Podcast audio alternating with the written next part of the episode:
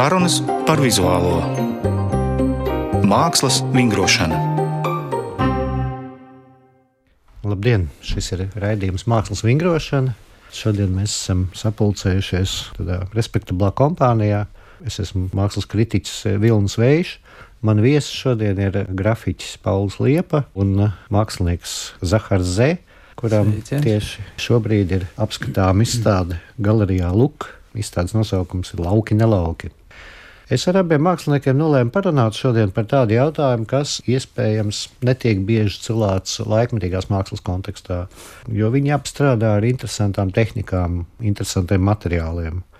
Un to mēs mākslas kritiķi reizēm nosaucam, bet ne tik bieži galvenokārt runājam par eh, idejām, par to filozofisko slāni jau un mākslinieka koncepciju. Tomēr materiāls nekur nav pazudis, viņš nav izgājis, viņš ir aktuāls joprojām. Parasti tie tomēr ir materiāli priekšmeti, kurus mēs apskatām un uz kuriem mēs vēršam uzmanību. Kas neizslēdz, protams, ka ir iespējama arī tīri konceptuāla māksla. Bet man kādēļ liekas, ka zinām, materiālitātes renaissance tajā tā saucamajā post-interneta mākslā ir tomēr vērojama. Jo citādi jau mēs varētu pavisam pārākties digitālajā vidē, un skatīties bildītas un nepievērst uzmanību ne telpiskajām, ne, ne materiālajām kvalitātēm. Pauli, tu mums esi grafiķis. Kā tas apmēram nosaka veidu, kā tu strādā? Tie ir diezgan daudz ierobežojumu. No vienas puses ierobežojumi, jā, bet tāpat laikā tas arī palīdz vai liek piespiež sakārtot domas kaut kādā ziņā, nu, kad ir, teiksim, skice, kaut kāda ideja uz papīra, un tad vienmēr ir, ah, to taisīs šitā, un to taisīs tā, un tad es nezinu, vai tas, nu, varbūt bišķiņi disciplinē vai liek sakoncentrēties uz to pašu ideju, un uh, Man liekas, ka nu, tā globāli vispār ir ņemta, tad māksliniekam tā kaut kādi ierobežojumi un kaut kāds spiediens, ja to tā var saukt, ir vajadzīgs.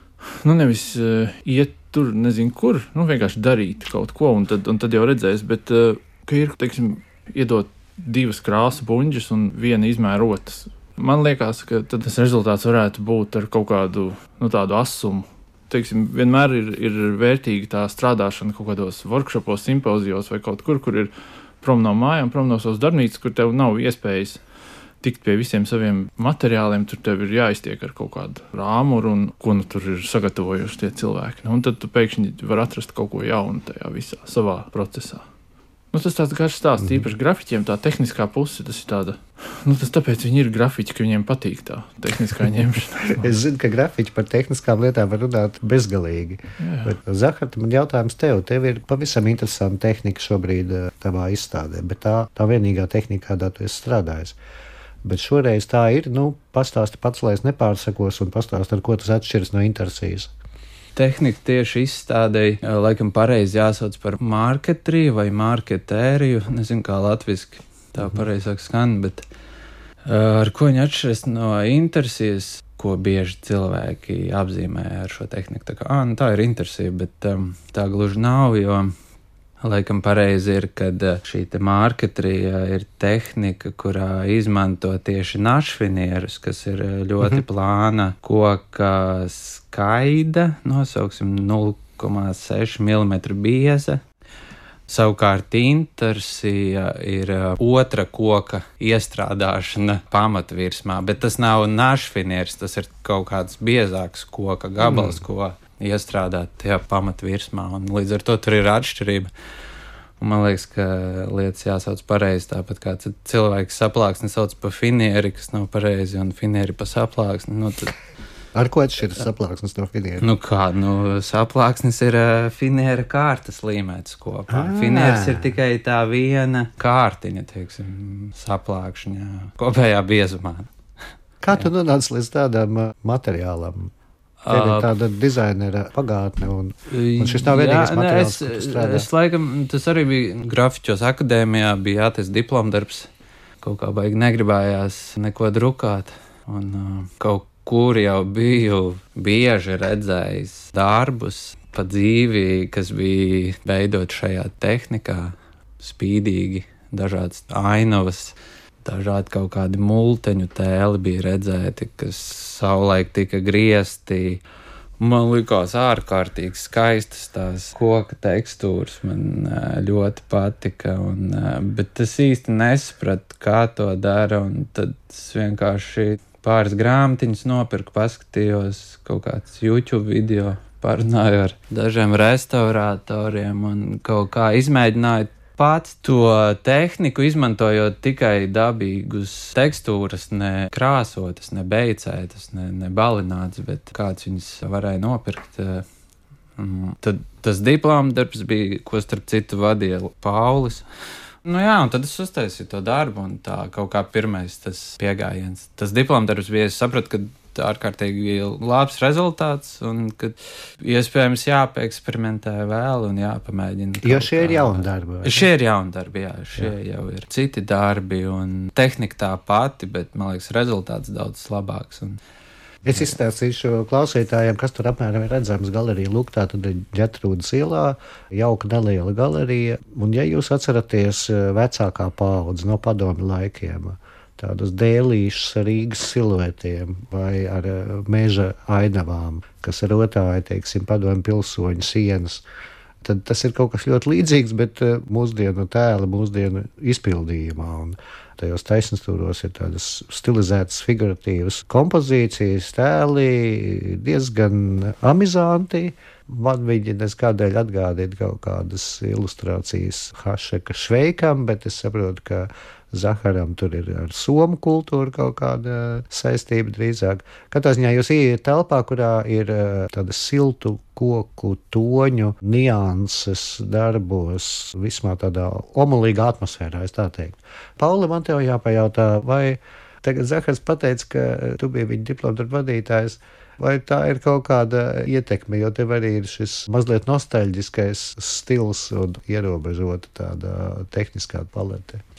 To nu nemācīšu teikt, bet eh, nu, tā ir diezgan klasiska formula ar kaut kādu arhaisku tehniku, veidot, nu, teiksim, ko mēs pēdiņās varētu saukt par mūsdienīgu saturu, nu, attēlot. Nu, kaut kāds, ja mēs padzīvotu vēl 200 gadus un veiktu arheoloģiskos izrakumus, mēs atrastu šos darbus. Mums vizuāli tie iet uz 21. gadsimta pirmo pusi, bet tehniski tas ir kaut kāds 18. gadsimta drīz vai, vai kaut kas tāds un tur būtu nesaderība šajā jautājumā. Tāpēc tas ir vienmēr tāds interesants process. Es atceros, ka tas diploms darbs tapu, es jau arī ar mutu vaļā klausījos visus tos jēdzienus un tos koka tipus, un ka tur ir tāda laka un šitā, un tad tur ir tas jādara. Nu, tā ir atsevišķa jauna pasaule. Nu, puišiem patīk ķimerēties. Jā, jā, tur tā lieta, ka tas tāda veču būšana, nu, ka tur var kārtīgi izkaifoties gan ar pašiem tiem. Bet es drīzāk par to, ka tu dari ļoti līdzīgi. Tev arī tā tehnika, ne, ne jau visi joprojām ir iegaumējuši, kādā veidā tu savus darbus taisi.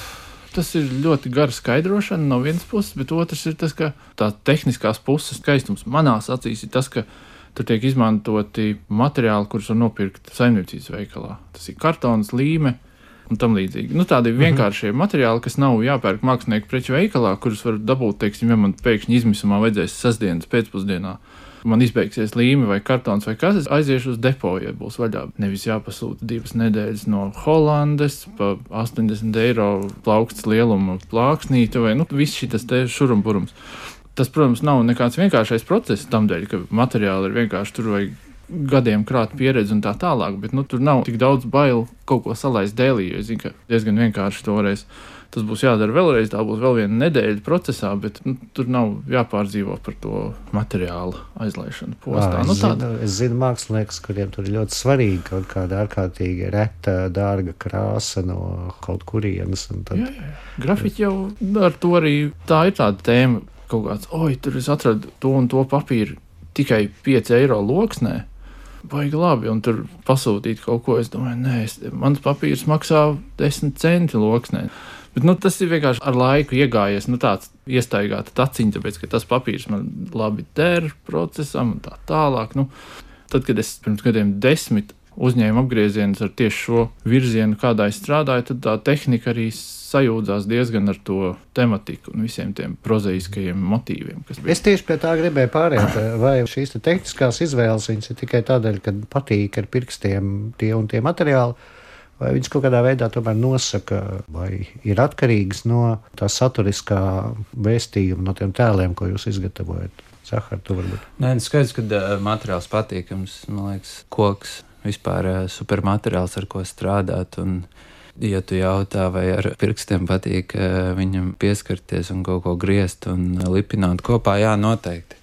Bet uh, arī no otras puses, man liekas, ka var uh, dikti labi panākt kaut kādu to noskaņu darbā un sižetu papildināt tieši ar uh, tām tekstūrām vai kompozīcijām atkarībā tiešām no tās koka sugas un materiāla īpatnībām.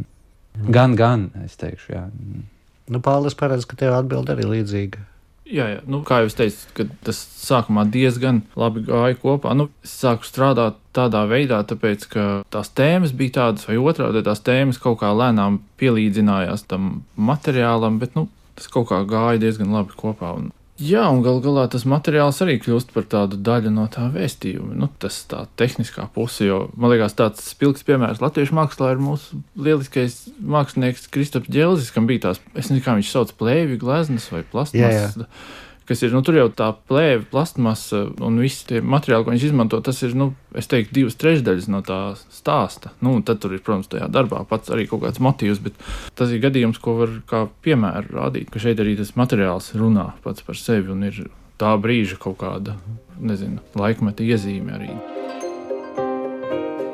Sarunas par vizuālo katru otro sestdienu, 14.5. Jūs klausāties raidījumu Mākslas vingrošana, ko vadu es Vilnis Vējš, un man viesis šodien ir Zahars Zē un Pauls Liepa. Zahara, zinu, ka šis nav vienīgais materiāls, kādā tu strādājies, ar kādu tu saskāries. Tev ir arī darīšana ar keramiku bijusi, kas arī ir diezgan trendīga šobrīd. Droši vien vēl ar kaut ko. Kas ir tavā bagāžā šajā nozīmē? Par keramiku nu, tas turpinās. Nevis, ka tas ir bijis un beidzies, bet nē, nē, es, liekas, es vispār diezgan sākumā tādā pozīcijā, jo, man liekas, keramika tur saprast, vajag desmit dzīves nodzīvot, man liekas, lai to apjēgtu kaut kā virzienu un ceļu, bet uh, man, uh, laikam, paveicās. Nu, tā sanāca, ka man sieva ir uh, porcelāna dizainere Esmeralda Purvišķa, un viņai ir sava studija darbnīca, krasta kerāmika, un uh, kaut kādā momentā viņi man iepazīstināja arī ar uh, dažu labu keramikas materiālu un uh, kaut kādu procesu. Un tā tīri nejauši, bet ar sajēgu es diezgan daudz ko esmu darījis ar keramiku, ar bet porcelānu. Strādā ar tieši pašu porcelānu masu vai tavā ziņā ir tie apgleznojumi? Tur ir dažādi īstenībā. Nu, kā sākumā vajadzēja, protams, saprast vispār materiālitāti, līdz ar to es pamēģināju gan porcelānu, gan akmens mazu, gan mālu, gan dažādas glazūras, bet nu, es sapratu to, ka uh, es nespēju strādāt porcelānā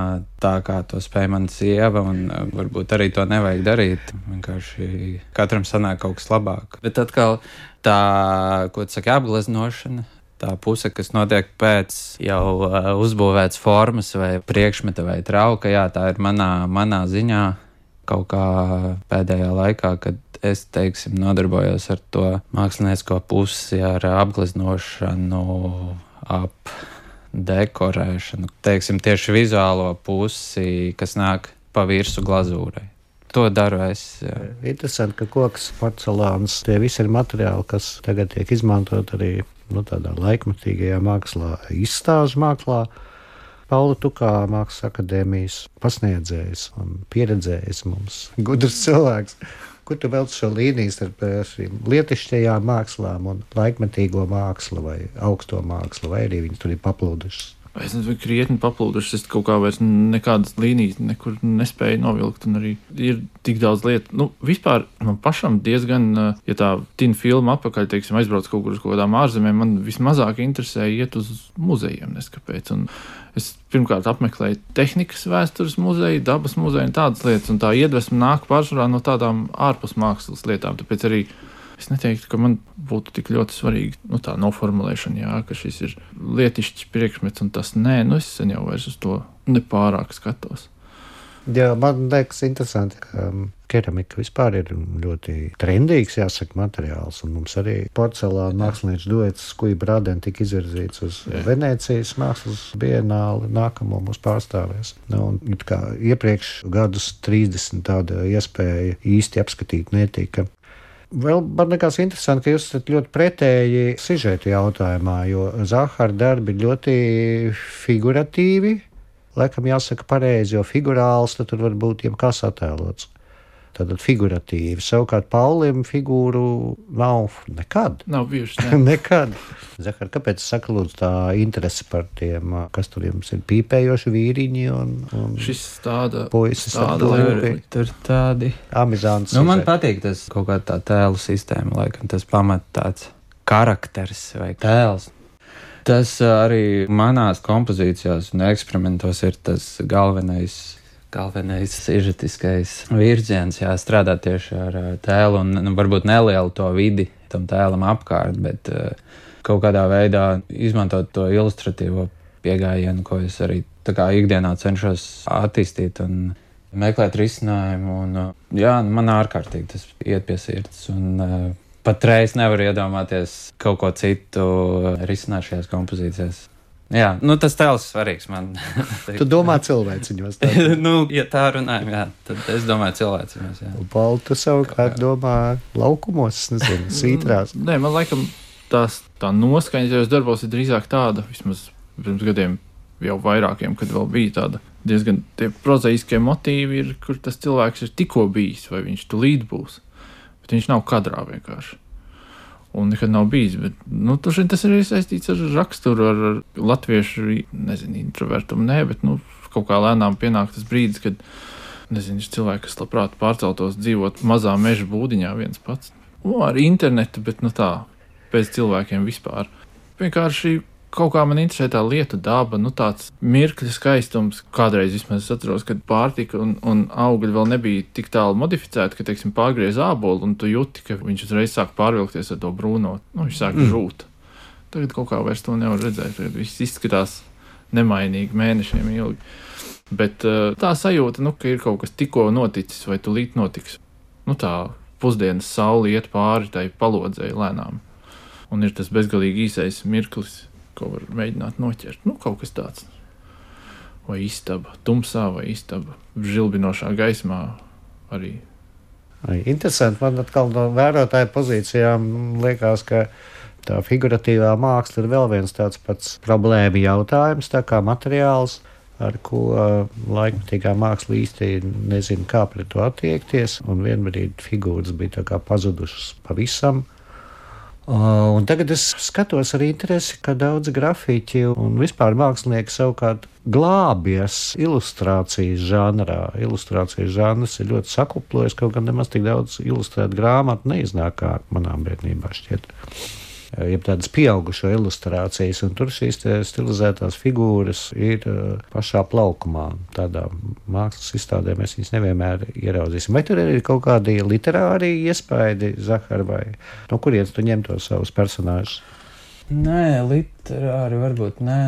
Tad sadzīviski droši vien. Vai mūteņi, kā tas ir? Uh, Arī nē, nu skaidrs, ka ir kaut kāds tās referents droši vien no viskaut kā, bet tomēr kaut kā tāda iedomu ikdiena liekas. Kā brīžām sāpņi vai iztēle, kur tu gribētu būt, un, vai vienkārši tādi notikumi, vai kaut kādas lietas, sižeti, ko tu ikdienā pamani. Un, nu jā, nu tā tēla sistēma jau nu, veidojas laika gaitā, un tu vienkārši dažreiz uzkaries uz kaut kādu nu, tādu viena vai otra, un tad paiet garš solis līdz nākamajam, vai, vai vispār tas neatnāk. Tā grūti izstāstīt, bet nu, savādāk es neuzzīmēšu. Tā viņi nāk, un tā tas viss kaut kā kopā turās.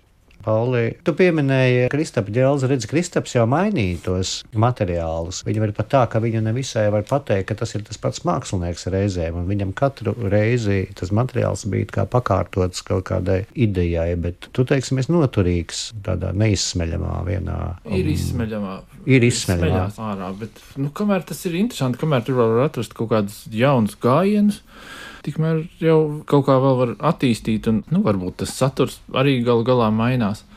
Bet nu, jā, tas arī atkarīgs no katra mākslinieka personības un tā, kā viņš strādā, kāds viņš ir dzīvē un tā tālāk.